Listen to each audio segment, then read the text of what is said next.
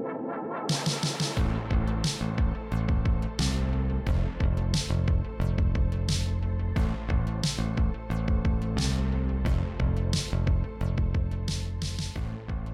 velkommen til Bibelprat med Kurt. Her sitter jeg, Johannes Vålandsmyr, sammen med Kurt Hjemdal. Og nå skal vi begynne på Johannesevangeliet. Det blir kjempespennende. Og den første episoden nå, det blir en introduksjon til Johannesevangeliet. Eh, og så blir det en episode der vi skal snakke om hovedbegrepene i Johannes evangeliet. Og så begynner vi på selve teksten etter det. Kurt, har du noe spesielt forhold til Johannes-evangeliet? I aller høyeste grad. Det er vel, må jeg få lov å si, mitt yndlingsevangelium, hvis det går an å si det. Jeg er veldig takknemlig for alle fire, men jeg syns Johannes-evangeliet er noe helt spesielt. Det treffer meg utrolig sterkt. Og det er jo et evangelie som skiller seg ut. Veldig tydelig, veldig markert. Så mens vi om de tre første kaller dem synoptiske, de ser ting sammen, synopsis og se sammen, eh, så er Johannes evangeliet helt annerledes både i oppbygning og til dels i innhold, i ordbruk osv. Så, videre. så Johannes evangeliet er veldig markert annerledes enn de tre andre. Mm. Vi kan ta litt om det først. Særtrekk med Johannes evangeliet. Um, man får umiddelbart en følelse at det er annerledes når man begynner å lese. Og den bekrefter seg ganske fort. Ordbruken er annerledes. Mens du hos uh, Matteus, Markus og Lukas stadig møter begrepet Guds rike, så vil du se at selv om det så vidt dukker opp i Johannes evangeliet, så har han i stor grad erstattet det med begrepet evig liv. Uh, og det er ikke bare der han erstatter begrepene.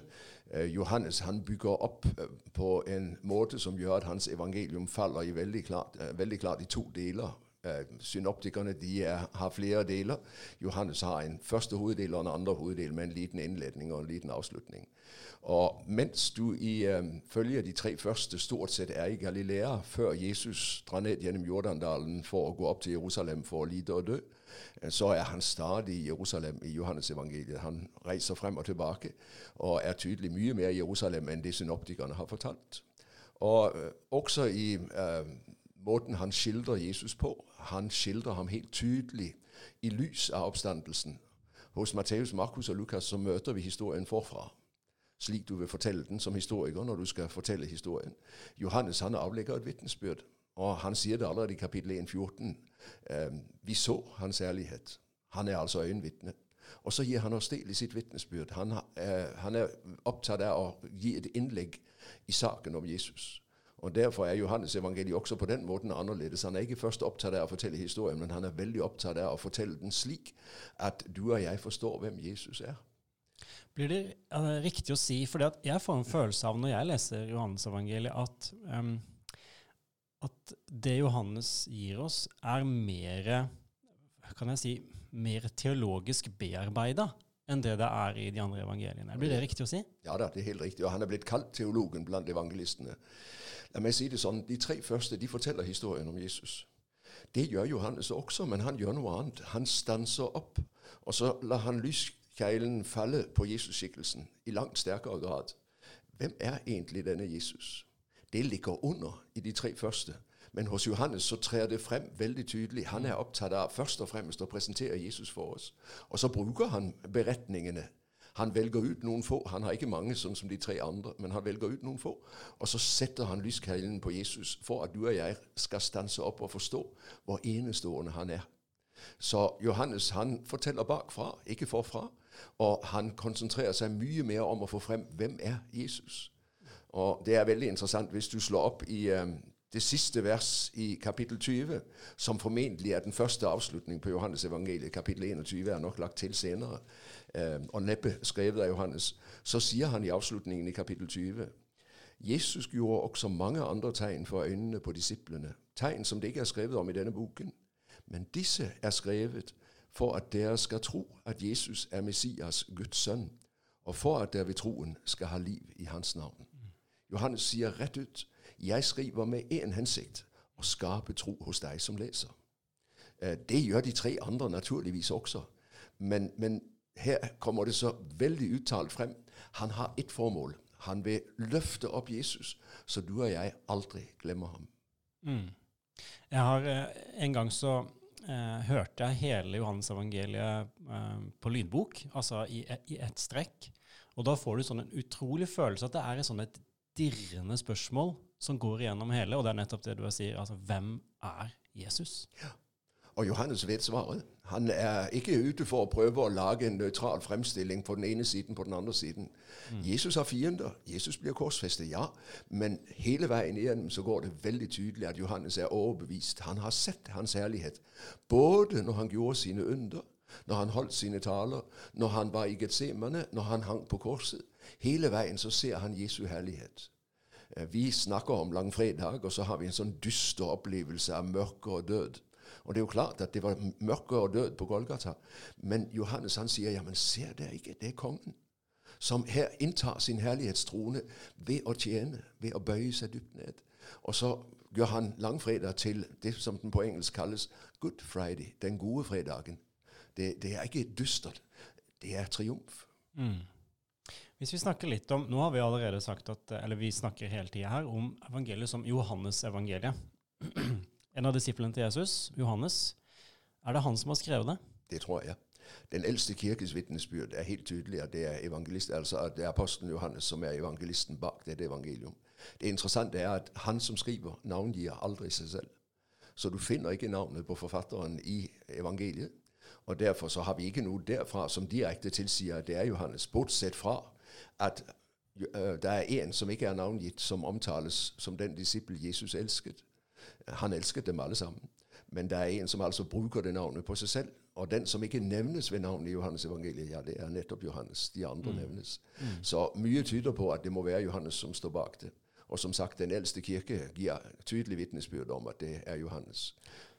I dag så opplever vi at teologene prøver å kaste frem en masse teorier omkring dette. Mm. Så noen vil snakke om at det er sju eller åtte forskjellige redaktører bak Johannes evangeliet som har mm. bearbeidet det om igjen og om mm, igjen. Mm. Det blir veldig teoretisk og veldig livsfjernt. Mm. Eh, jeg tror vi skal regne med det aller meste. Vi vet at det er noe i Johannes evangeliet Johannes ikke har skrevet. Der står en beretning om en kvinne som er grepet på fersk gjerning i hor, fra kapittel 7, 53 til 8-11. Og det er helt tydelig et innskudd den har levet, og så har man plassert den der, for man måtte ha den innskriftlig. Mm. Men ellers så regner jeg med at du kan regne uh, Johannes apostelen som forfatter. Pluss siste, det siste kapitlet? Altså det, det, siste kapittelet er sannsynligvis skrevet av Johannes' disipler. For de viser uh, til ham og, og. Taler om ham på en sånn måte at vi skjønner at her der nevnes Johannes ved navn. Den mm. disippelen som uh, lever etter alle de andre. Og vi får spørsmålet om uh, mm. hva som skal skje med ham. Og Jesus sier til Peter det har ikke du noe med. Mm. det skal ikke du bry deg om. Uh, så her har man helt tydelig føyet til et kapittel stoff som har mm. levet, og som er blitt med, og som er like troverdig, men, mm. men som neppe er skrevet av Johannes selv. Og så var det jo eller jeg ser for meg det fordi nettopp fordi det var helt vanlig på den tida at man hadde skrivere. Det var en anerkjent utdannelse å være skriver. Eh, profesjonelle på det området. Og vi kan jo se for oss her at her har også Johannes satt en skriver eh, som har en meget elegant gresk, som blir påpekt ofte med en enkel, men elegant. Enkel. For han har jo veldig få ord i sitt vokabular i forhold til mange av de andre.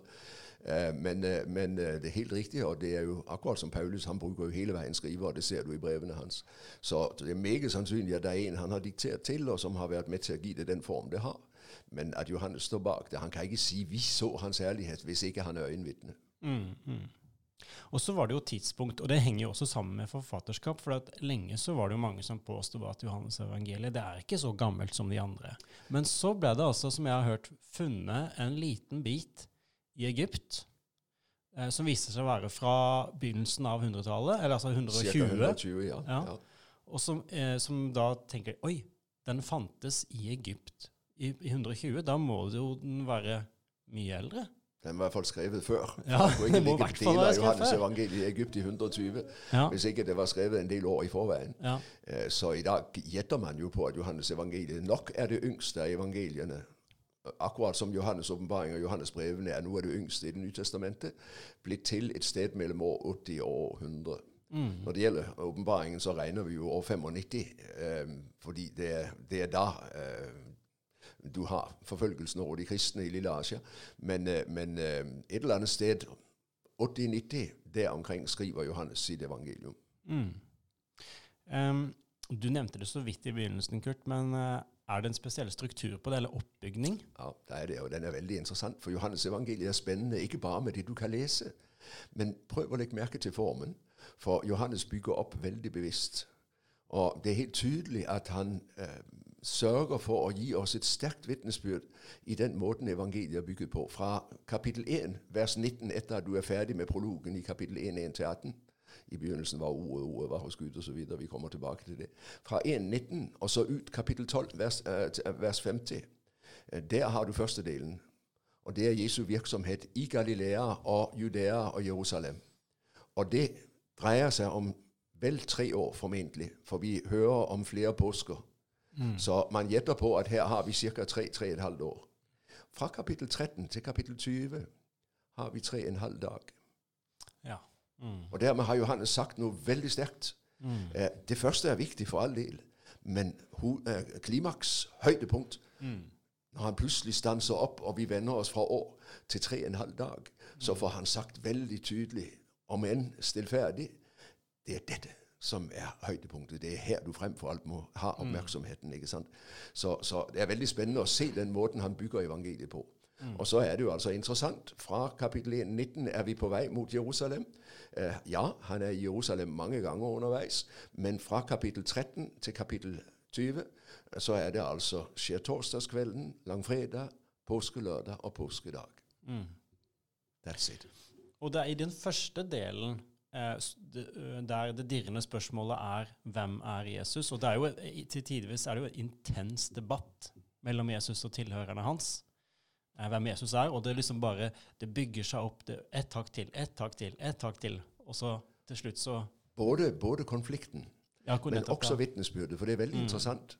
Eh, Johannes er glad i tall, og det er jo en tallsymbolikk i Johannes evangeliet, akkurat som i Johannes' åpenbaring. Sjutallet går igjen. Sju ganger sier Jesus om seg selv 'jeg er', med en tilføyelse. Mm. Jeg er livets brød. Jeg er verdens lys. Jeg er porten. Jeg er den gode gjeteren. Jeg er oppstandelsen og livet. Jeg er veien, sannheten og livet. Jeg er det sanne vintreet.' Jeg er det er Guds navnet fra andre Mosebok 3. Og Jesus bruker altså det med en tilføyelse som til sammen gir et vidunderlig bilde av hvem han er. Mm. Sju ganger. Og så holder han eh, sju taler i disse første kapitlene. Og så har han altså eh, sju forskjellige tegn som han gjør, eh, som sier noe om hvem han er. Mm. Eh, vinunderet i Kana, høvedsmannens sønn som blir frisk, brødunderet, helbredelsen av den lamme ved Betesta, helbredelsen av den blindfødte, oppvekkelsen av Lasarus. Og legg merke til, vi begynner med noe som unnskyld i, i hermetegn, noe så enkelt som et vinunder, men vi avslutter med oppvekkelse av en død. Mm som naturligvis peker frem mot Kristi oppstandelse. ikke sant? Mm. Så Johannes han bygger opp på mange måter, og når altså klimaks så i andre delen. Mm. Um, har du noe um, lesertips? Altså Hvis en som hører nå og blir veldig nysgjerrig på å lese Johannes evangeliet, er det noe sp spesielle spørsmål de skal ha med seg i hodet, eller tanker, eller måter å lese på som, um, som du vil gi? Jeg tror Johannes skrev med tanke på at dette skulle leses langsomt. Mm. Eh, langsomt og gjerne mange ganger. Eh, for å få med seg dybdene som åpner seg når du begynner å skjønne hva det er som skjer i dette evangelium, og hvem han er som opptrer. Men jeg vet ikke noen bedre måte å lese Johannes evangeliet på enn å lese det forfra og lese det igjennom. Det er ikke så langt. Så, så det å våge å lese det flere ganger og gjerne gi seg god tid i lesningen, stanse opp ofte mm. og la ting få lov å synke inn. For, for, her er noen enorme dybder, og det ser du helt fra første vers. ikke sant? Mm. Eh, Lukas han begynner med Maria. Eh, Matteus begynner med Jesu etter tavle tilbake til Abraham. Eh, Markus begynner rett på med Johannes døperen. Hvor begynner Johannes? I begynnelsen var Ordet. Mm. Han begynner i evigheten mm. og, og, har et helt annet perspektiv. Uh, de fire evangelister har jo i den kirkelige tradisjonen hver sitt uh, symbol. Mm. Uh, Lukas har oksen, for eksempel. ikke sant? Markus han har løven. Matteus har, har, mennesket. Johannes har ørnen. Mm. Og det du får i Johannes evangeliet, det er ørneperspektivet. Du er oppe i den store høyden og får mm. det veldige perspektiv over hvem Jesus er fra evighet og til evighet. Mm. I begynnelsen var ordet, og ordet ble menneske. Uh, det er kolossalt. En ting som jeg syns er fascinerende med Johannes evangeliet, er at når du sånn umiddelbart leser det, så er det ganske lett å forstå. Samtidig så er det på en måte uten bunn. Altså enorme dybder. Og det var en som uh, sa det sånn at uh, Johannes evangeliet, det er der elefanter kan svømme og barn kan vasse. Ja, ja. Det er et godt, godt, bilde. Ja, ja, ja. Eh, og eh, jeg la merke til det ene lesetipset ditt, er også å lese det på nytt. Mm. For det er nettopp sånn at du har blitt noen år eldre siden du sist du leste det. Du vil se helt nye ting. Fordi at det er så enorme dybder. Ja. Bli ved å lese. Og det er jo avsnitt i Johannes evangeliet som du uh, blir ved med å sitte og tenke over. Hva mener han egentlig? Hva er det egentlig han vil ha sagt her? Og hvor du skjønner at uh, dette er ikke enkelt å få tak i. Men det er riktig som du sier, på en måte en enkel beretning, på en annen måte en veldig dyp beretning. Mm. Og, og, mange ting som du virkelig må undres over. Hva er det du mener, Johannes? Mm. Det var en introduksjon til Johannes-evangeliet, og i neste episode så skal vi snakke litt om uh, hovedbegrepene i Johannes-evangeliet, og det kan kanskje høres litt sånn tørt og kjedelig ut, men det er, det er egentlig kjempespennende. Uh, så det blir veldig spennende å høre hva du har å si om det, Kurt. Var det gildt å høre på denne podkasten, må du gjerne gi en gave til Nordmisjon sitt arbeid, f.eks. på VIPS med nummeret 94272, eller besøk oss på nordmisjon.no agder.